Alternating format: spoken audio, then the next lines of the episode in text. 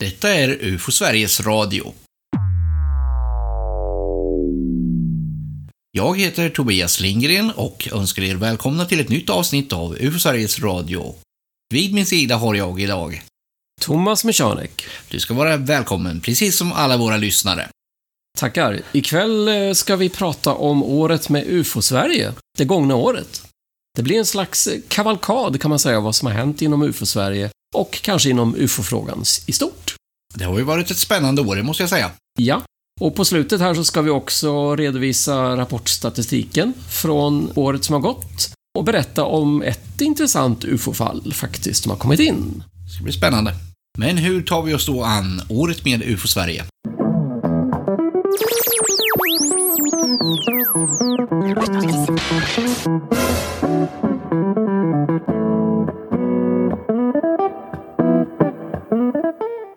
För att göra det enklare för er så ska vi försöka att ta det i kronologisk ordning. Och därför börjar vi den 1 januari, eller rättare sagt den 3 januari, då var då vi kom ut med en podd om drönare. Och jag pratade faktiskt med min medpoddare då, som jag hade, som heter Roger Lee, som är drönarexpert på Luftfartsverket. Och han hade förväntat sig stordåd av den här podden. Men tyvärr så fick han inga deals i storleksordningen Alex och Sigge eller Filip och Fredrik. Så han var lite besviken, men jag sa åt honom att han får inte ge upp. Det gäller bara att fortsätta att podda. Podden med drönarna blev ju väldigt populär.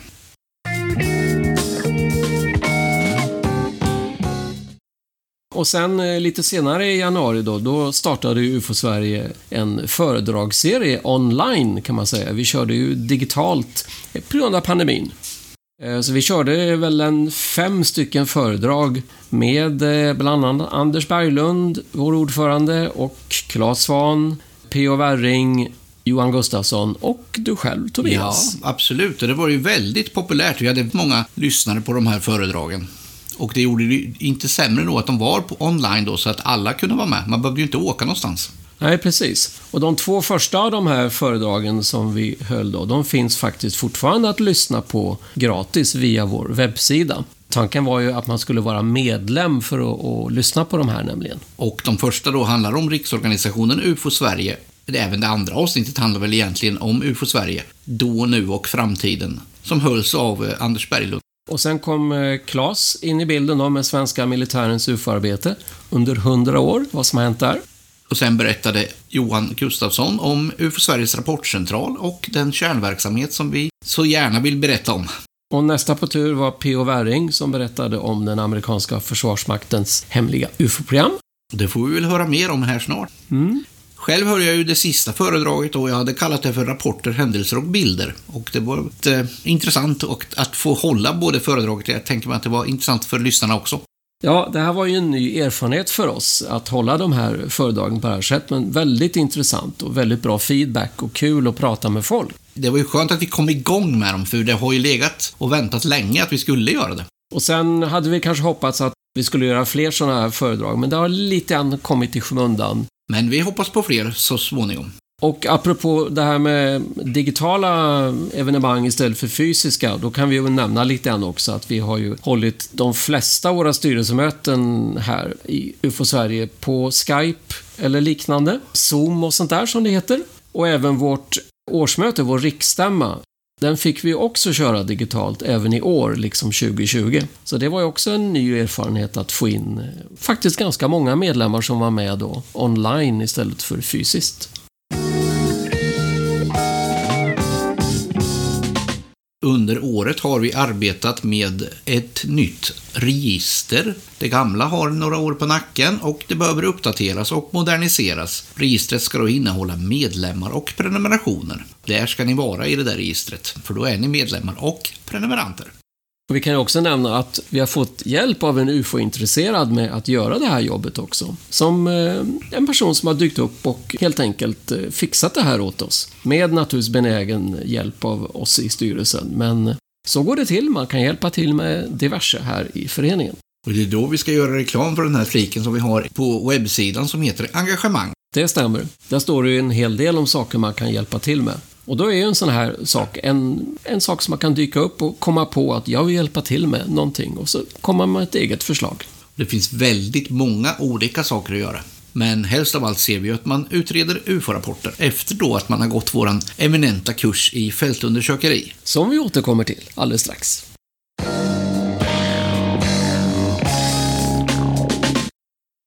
Men det hände någonting i januari här. Det kom ju en bok av en professor då från Harvard som heter Avi Loeb. Och den här boken fick ju ett stort utrymme bland ufo-intresserade. Det handlade bland annat om den här rymd, det rymdobjektet, jag vet inte om jag törs säga rymdsten här för då, för då får jag väl alla på mig, men objektet i alla fall som kallas för Oumuamua. Och de som gillar ET-teorin där då fick ju lite mer bränsle då. I och med den här boken som han gav ut i januari som heter Extraterrestrial, the first sign of intelligent life beyond Earth. Och den fick ju väldigt mycket media där i början av året. Det gjorde ju även att UFO Sverige drog lite växlar på just det.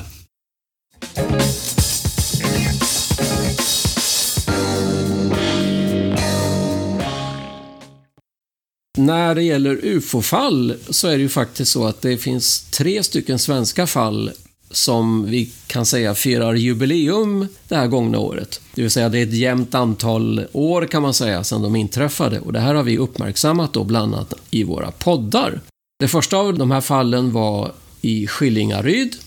Lars Törns observation och fotografier som inträffade 1971, så det är alltså 50 år sedan i år. Det pratade vi om i podd nummer 56. Man kan ju gå in i vår lista av UFO Sveriges radioavsnitt och leta upp nummer 56 så kan man lyssna på Skillingaryd där. Om man till äventyrs har lyckats missa någon podd. Ja, precis. Och då ska vi också säga att vi, vi går ju in ganska djupt på de här fallen så att det är en ordentlig genomgång av Skillingarydsfallet i, i den podden. Men inte bara den firade i år, utan ett ännu mer känt fall som jag tror är mer känt internationellt också. Ja, du tänker på mötet i Gläntan, Gösta ja, Karlsson, Ängelholm. Absolut. Det inträffade ju 1946 och det är ju 75 år sedan. Och det uppmärksammade vi också då i ett poddavsnitt, eh, faktiskt podd nummer 57. Som också då är en ordentlig genomgång, verkligen, där vi diskuterar med Claes om allting som har hänt i det här fallet. Väldigt djuplodande. Ja, det kom ju, kom ju nya uppgifter i den podden också som inte hade kanske varit ute innan då. Som också kom i hans nytryck, eller som kom i en ny upplaga ska jag säga. Det tredje fallet då, det kallar vi för Håknäsfallet. Det fyllde 30 år i år kan man säga. Och det har vi också dragit i en speciell podd då, nummer 65 i det här fallet. Det är ett väldigt intressant fall av en långsamt gående cigarrformad farkost med flera vittnen. Där ju bland annat eh, Säpo var involverat faktiskt. Ja, det var ju en väldigt oväntad twist där i mitten. Ja, man får lyssna på den podden så får man höra lite. Idén med de här så kallade jubileumspoddarna var ju att de, de publicerades på samma dag som det inträffade då, på årsdagen. Ja, precis. Det var ju lite grann tanken med det hela. Och eh, nu har det inte blivit fler sådana jubileumspoddar, men det kommer säkert under nästa år här. Så ska vi uppmärksamma några nya fall, eller några gamla fall som, som fyller år. Ja, det kan ju vara nya fall också som är bra, som, som inte har så många år på nacken som 75. Ja, precis.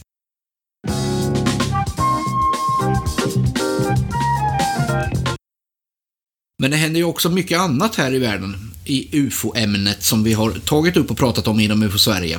Och då, då tänker jag väl på det gärna där som hände på andra sidan Atlanten. Ja, det var ju det här UAP-rapporten som kom till kongressen. Det var ju ett resultat, egentligen, en ganska lång kedja av händelser, men en senatskommitté 2020 beslutade ju att eh, amerikanska försvaret skulle ge en rapport över de UAP-händelser som har inträffat eh, till kongressen. Och det blev ett äskande det här inom själva försvarsbudgeten för det här året som vi har haft nu då. Till slut, efter många om och men som det är administrativt inom, inom USAs eh, regering, så godkändes det här till slut av presidenten då, Donald Trump faktiskt, vid årsskiftet precis. Och då hade man ju ett halvår på sig att göra den här rapporten och då kom den faktiskt på själva midsommarafton här. 25 juni. Och det var ju väldigt mycket spekulationer innan. Ja, precis. Skulle man erkänna plötsligt att vi hade besök, eller hur var det nu? Men det blev ju inte riktigt så. Det blev en väldigt kort rapport. Nio sidor totalt, varav det var bara några få sidor som var något verkligt innehåll kan man säga. Där man ju bland annat erkände att 143 av 144 händelser är oförklarade. Man lyckades förklara en händelse inom eh, de amerikanska militärstyrkorna. Mm, då kan man undra hur de har eh, valt ut de som är med i rapporten. Ja, och de där händelserna de, de gås ju inte igenom i den här rapporten. Tyvärr. Utan de nämns bara som en siffra helt enkelt. Vi hänvisar även till podden i det här fallet. Ja, vi gjorde ju faktiskt tre poddar om det här eftersom det var ett sånt stort ämne. Eh, nummer 59, nummer 61 och nummer 62 för de som vill gå in och titta och lyssna. Vi hade ju också väldigt mycket annan media då. Det var ju väldigt stort. Vi var ju med lite överallt och pratade i morgonsoffer och i radioprogram här och där. Ja, det blev ju faktiskt uppmärksammat till en viss del även här i svensk media. Bland annat TV4. Och kopplat till den här rapporten då så är det ju också så att då kom det ju fram att det fanns en UAP Task Force som för första gången nämndes av senatskommittén 2020. Och den förkortades då UAPTF. Verkligen, de kan krångla till det ordentligt där på andra sidan. Och det var ju den eh, kommittén då som la fram den här UAP-rapporten då i juni. Och nu är det klart att den ska ersättas med en ny permanent grupp, dock inom Pentagon. Tyvärr inte med någon civil del som var önskvärt och som var tanken lite grann från början. Och den här nya gruppen, den heter, ja, den förkortas AOIMSG. Det är ju totalt outtalbart, men eh, vi får se vad det blir av den. Och där kan vi väl också säga att vi tog upp den här lite grann faktiskt i senaste podden. Ja, det var ju ganska färskt då när vi spelade in den förra podden och då kom ju den nyheten att det, att det var på tapeten. Ja, och det tråkiga var ju där som sagt då att grundtanken att det skulle bli en vetenskapsbaserad grupp med civila personer, den försvann ju mer eller mindre där, tyvärr. Vi får se vad det blir av detta nästa år.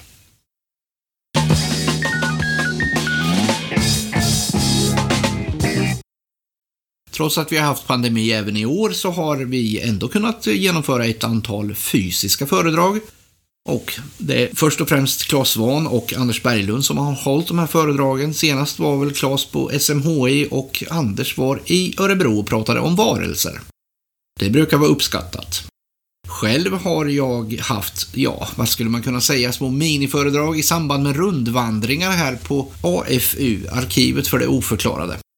Ja, det är där vi sitter nu och spelar in den här podden. Vad är det för rundvandringar?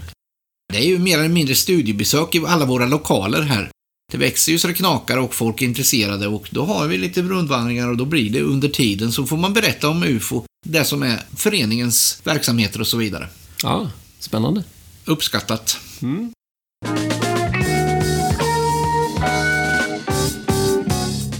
Nästa sak som hände, kan vi väl säga, under året var ju vår fältundersökarkurs. Den håller vi varje år och det som var speciellt nu var ju att vi faktiskt lyckades hålla den fysiskt. Vi fick ju ställa in den förra, eh, för förra året kan vi säga då. Men i år så fick vi ju till den. Du lyckades få in den i en lucka där i pandemin. Det var ju lite bättre tag. Ja, precis. Och det blev ju väldigt, väldigt lyckat. Vi var ju på ett eh, nytt ställe den här gången i de östgötska skogarna. Och är man intresserad av att veta vad som hände på den här kursen så hänvisar vi till avsnitt 67 av UFO Sveriges Radio.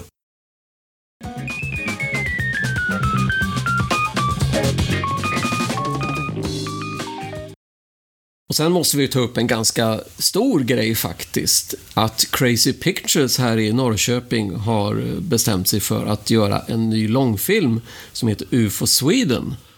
Och då kan man ju fråga sig, hur kom det där till med UFO och dem? Hur funkade det, Tobias? Första idén från Crazy Pictures var väl att de råkade se att det fanns ett jättestort arkiv i Norrköping som handlar om UFO.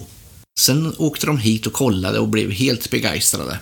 De tog ju kontakt med UFO Sverige och undersökte lite saken och tänkte då att ja, kanske vi ska göra en film om något mystiskt. Och sen dess har vi haft samarbeten. Ja, de har ju tydligen varit på nästan lite kurs kan man säga, som jag tror du Tobias har varit. Vi hade som en liten minifältundersökarkurs och då hade de dragit ihop skådespelare och filmarbetare, ett gäng, och tyckte att det var väldigt spännande. Ja, de, de fick ju framförallt lära sig vad vi var för typ av förening, att de förstod att det här var något seriöst och att, ja, en inspiration då. Ja, verkligen. De tyckte det var jättespännande och det blev inte sämre av att vi inte var där de trodde från början. Men så är det ju ofta när vi är ute och pratar. Mm. förekommer ju lite, vad ska man säga, fördomar eller ja, andra idéer. Det är ju alltid trevligt att bryta folks fördomar eller tala om hur vi verkligen vill att vi ska framställas. Mm. Sen har det här lett till då att då har de ju liksom kommit med sin filmidé och skrivit manus och nu har de under hösten här spelat in det mesta av filmen faktiskt, här i Norrköping. Eh, och sen är det ju massa efterarbete på detta, som det är alla såna här eh, filmer. Så den kommer ju ha premiär nästa jul då, 2022. Men det blir ju deras eh, stora filmsläpp. Det ska bli spännande. Ja, det får ni alla hålla utkik efter.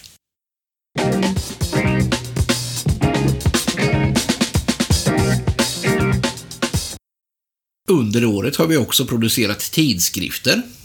Åtta stycken totalt. Rapportnytt har kommit ut med fyra nummer och UFO-aktuellt med fyra nummer. Ja, och de senaste numren de kom ju här precis innan jul. Jag tror vi lyckades få ut UFO-aktuellt dagen innan julafton till de flesta prenumeranter i alla fall. Det är ju spännande innehåll som vanligt. Senaste numret av UFO-aktuellt handlar ju bland annat om varelser från okända, tomtar och troll bland annat. Ja, Mycket som spännande. någon sa så är ju hela framsidan av UFO ett julkort till våra läsare i år. ja, precis. Så jag hoppas verkligen att ni är prenumeranter eller funderar på att bli. För att då får ni mycket läsning. Spännande.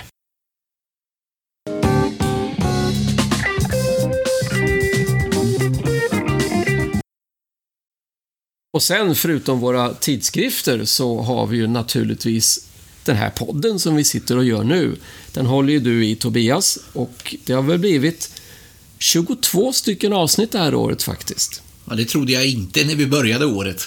För det är svårt att eh, få driv i det hela och eh, någon sorts regelbundenhet. För vi har ju väldigt mycket annat att göra. Ja, vi skrev ju en, en artikel om det här i förra numret av UFO Aktuellt om, om podden och får ju repetera lite grann där att som det är som du säger att vi, vi kan inte ha någon riktig fast tid för poddarna utan det blir när vi har tid och möjlighet och intresse. Och olika personer inom UFO-Sverige ställer upp och kommer med idéer till vad podden ska handla om. Och då kanske man skulle bjuda in lyssnare här. Är det någon som är intresserad av att vara med och prata om UFO i podden så hör gärna av er till oss. Precis, vi kan ha någonting om era favoritteorier eller någonting annat. Ja, eller om ni har varit med om något oförklarat själva.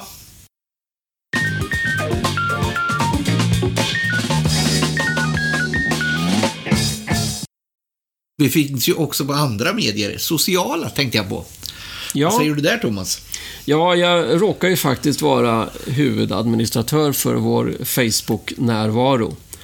Vi har ju en eh, officiell sida på Facebook som har drygt 7000 följare och som faktiskt har nått, fick jag reda på av Facebooks statistik här, nått 60 000 personer det här året. Som varit inne och kikat och läst på vår Facebook-sida. Men så har vi också vår diskussionsgrupp som heter Allmänheten diskuterar UFO och UFO-Sverige. Ehm, och där har vi faktiskt eh, passerat 3000 medlemmar. Precis nu här innan jul så kom vi upp i den siffran. Och det är en ganska aktiv grupp. Ehm, mer än hälften av de här personerna har publicerat någonting under året. Ehm, ungefär 1700 personer. Vi har haft 574 inlägg och en massa olika kommentarer. 16 000 kommentarer har det varit på allting i, i den här gruppen. Så det är en aktiv grupp. Men Facebook själva håller på och ändrar och grejer, eller är jag ute och cyklar där? Nej, det är ju så att hur grupper fungerar har ändrats lite grann här under hösten. Den här gruppen är ju fortfarande öppen för alla, men den funkar lite annorlunda. Man märker inte så mycket av det egentligen som en vanlig Facebook-besökare, men för oss som administrerar har det blivit lite, ja, lite knepigare att hålla i den kan man säga, beroende på att Facebook ändrar på saker och ting. Men vi överlever och fortsätter driva gruppen. Ja, så gå gärna in där och visa er närvaro.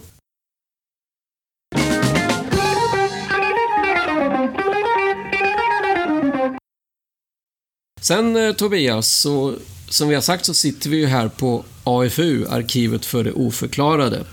Och nu ska vi inte dra allting som har hänt på AFU under året, men vi kan ju nämna någonting i alla fall av det som har hänt. Ja, det finns ju ändå en koppling till UFO Sverige och det har ju blivit lite av en klubblokal för UFO Sverige. Mm. Eftersom många av oss har nära till den här och att vi kan samlas där.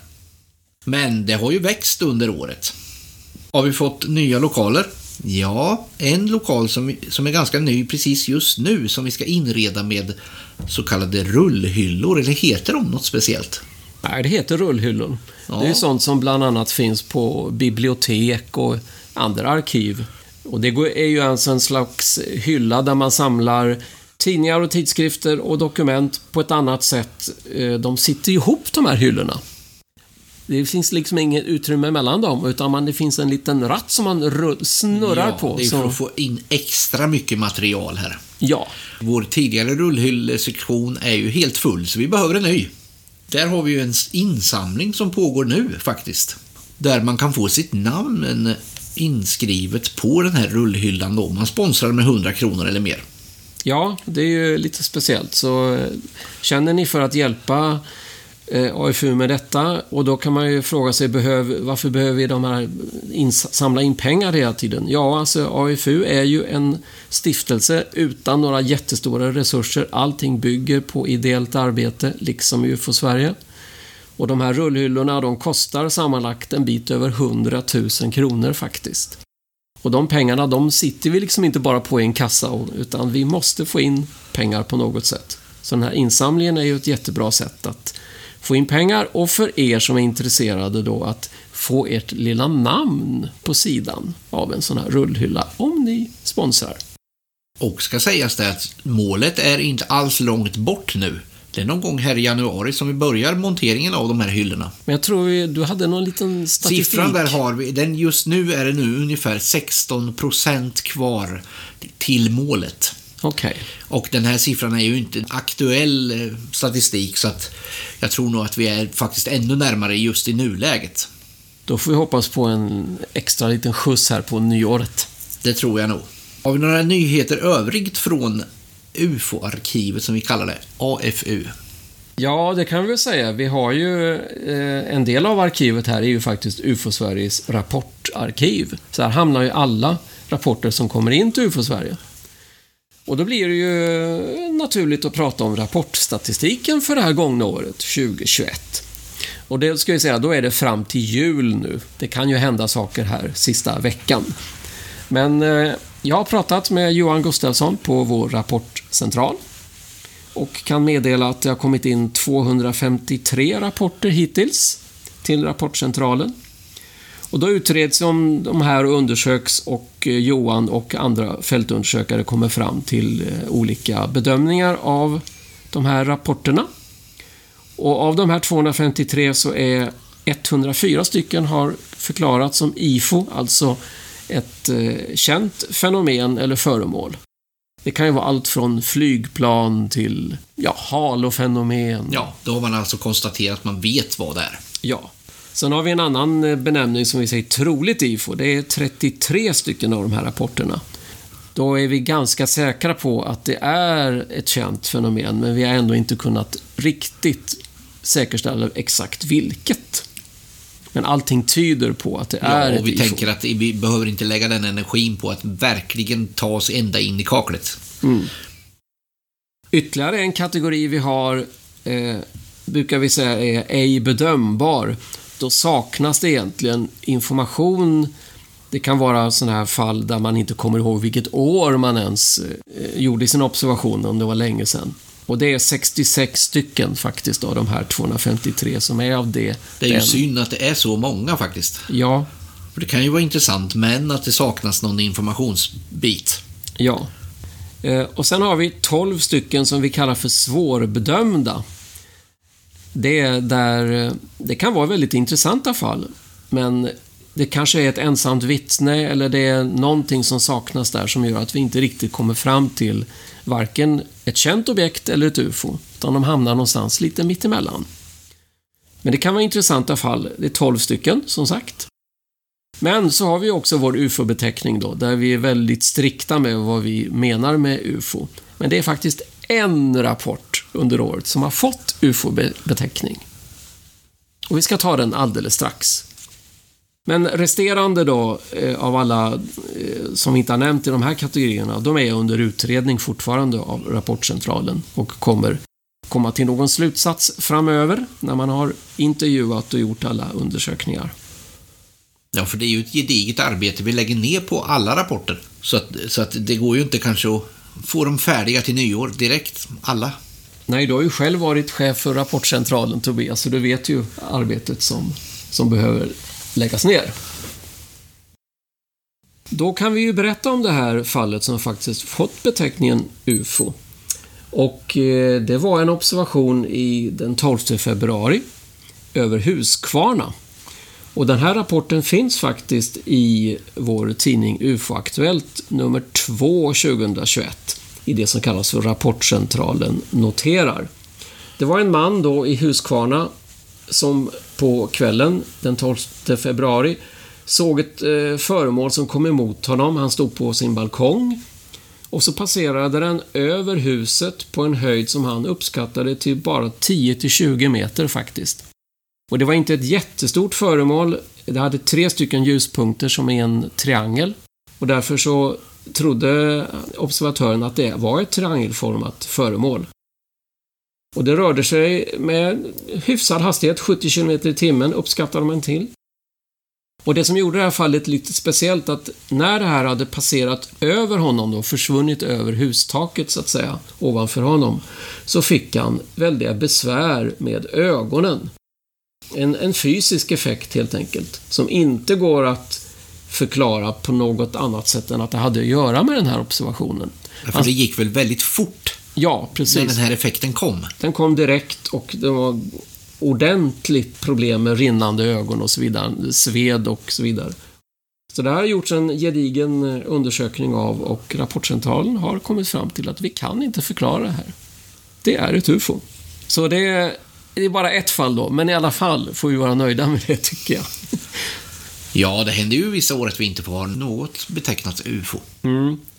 Men då är vi som sagt väldigt strikta med att det måste finnas alla fakta och det måste vara jätteundersökt och det måste finnas, ibland, helst ska det finnas flera vittnen. Men finns det bara ett vittne så ska det finnas någonting annat som styrker, någon effekt, något spår och så vidare. Ja, eller exempelvis en teknisk bevisning. Ja, och i det här fallet så var det då det här ögonproblemet som relaterat.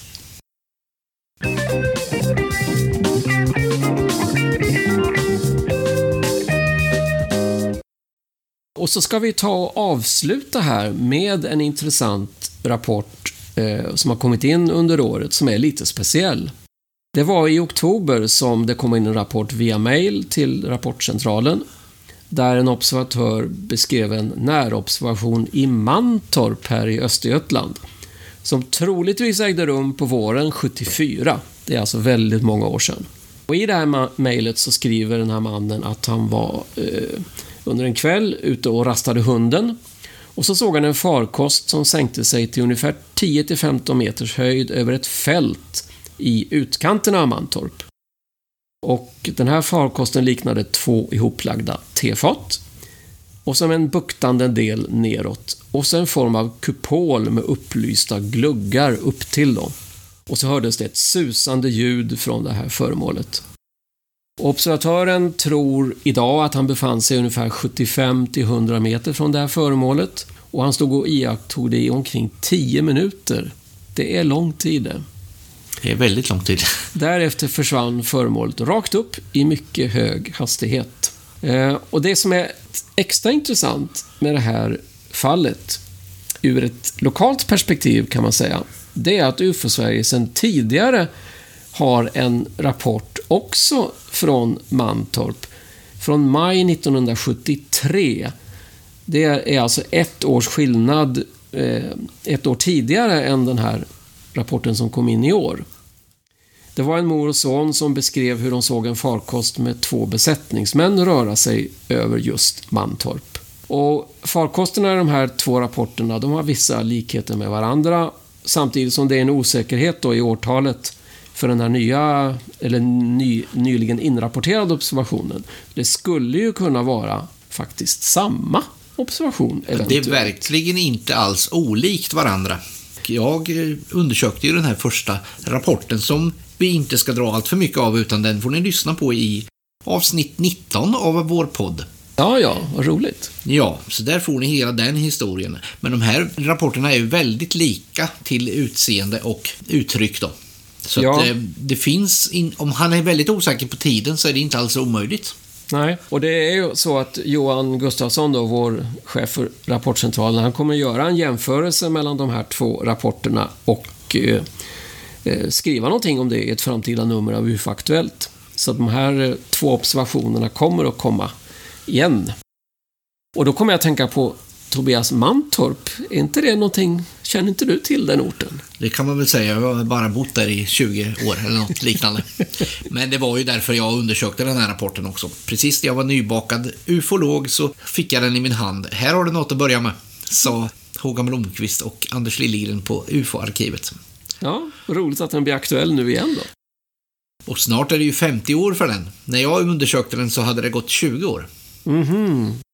Ja, det är lite, ja, 2023. Ja, exakt. Då kommer, ja. Den, ja. då kommer den in som en jubileumspodd ja. på Sveriges Radio. Ja, ja. Nej, de hade, den hade ju kommit in till UFO Sverige på krångliga vägar via Gisoff i Göteborg till UFO Sverige då, det tidiga UFO Sverige som egentligen inte som ville att det skulle vara mycket mera utomjordingar och eh, mm. mycket mera mystik. Så att tyvärr fick inte rapporten den undersökning den borde ha fått redan från början. Nu ska jag säga bara, du nämnde du Gisof här. Nu, våra lyssnare kanske undrar, vad är detta för någonting? Och det var ju en, en organisation, en UFO-förening i Sverige som betyder Göteborgs informationscenter för oidentifierade flygande föremål.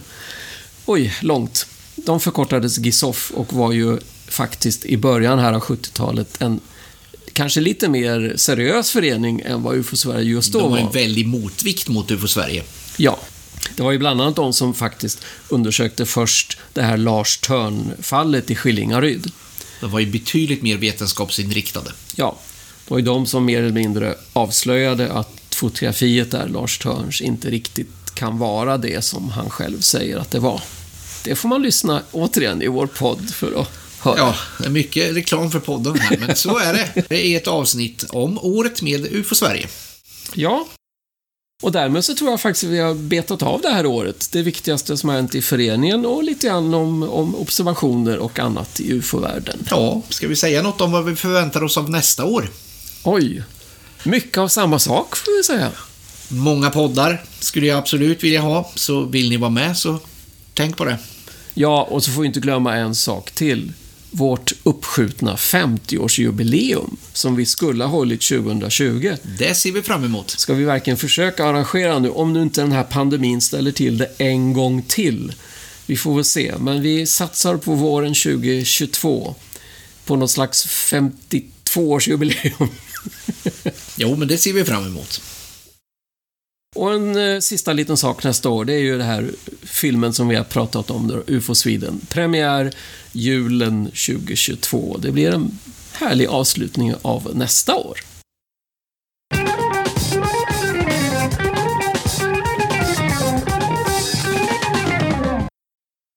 Jag som rattat UFO Sveriges Radio idag heter Tobias Lindgren och jag tackar min medpoddare Thomas Michanek. Ja, och du, alltså den här podden nu, den kommer ju att sändas här, eller komma ut, publiceras nyårsafton, nyårsdagen någonstans. Och då ska vi ju naturligtvis säga att vi är ju inte som det här programmet På spåret, där man låtsas att man sitter på julafton eller nyårsafton och, och önskar varandra god jul och sånt där, när man spelar in det i oktober. Utan eh, vi är ju faktiskt här i mellandagarna och spelar in och eh, publicerar denna podd alldeles vid årsskiftet. Precis purfärskt. UFO Sveriges Radio produceras av Riksorganisationen UFO Sverige. Adressen till UFO Sverige, vad är den Thomas? E-postadressen är info.ufo.se. Hur gör man för att kontakta UFO Sverige på annat sätt? Ja, man kan ju till exempel gå in på Facebook. Skicka meddelande där kan man göra. Varför inte ringa till vår rapportcentral om man har varit med om något ovanligt? Och telefonnumret dit är 018 555 000. Annan information hittar du på ufo.se. Tack för din medverkan Thomas och så tackar vi alla lyssnare som utgör basen för denna verksamhet. Stort tack för att ni gillar det vi gör. Sist men inte minst avslutar vi det gångna året med att önska ett mycket gott nytt år. Tjolahopp!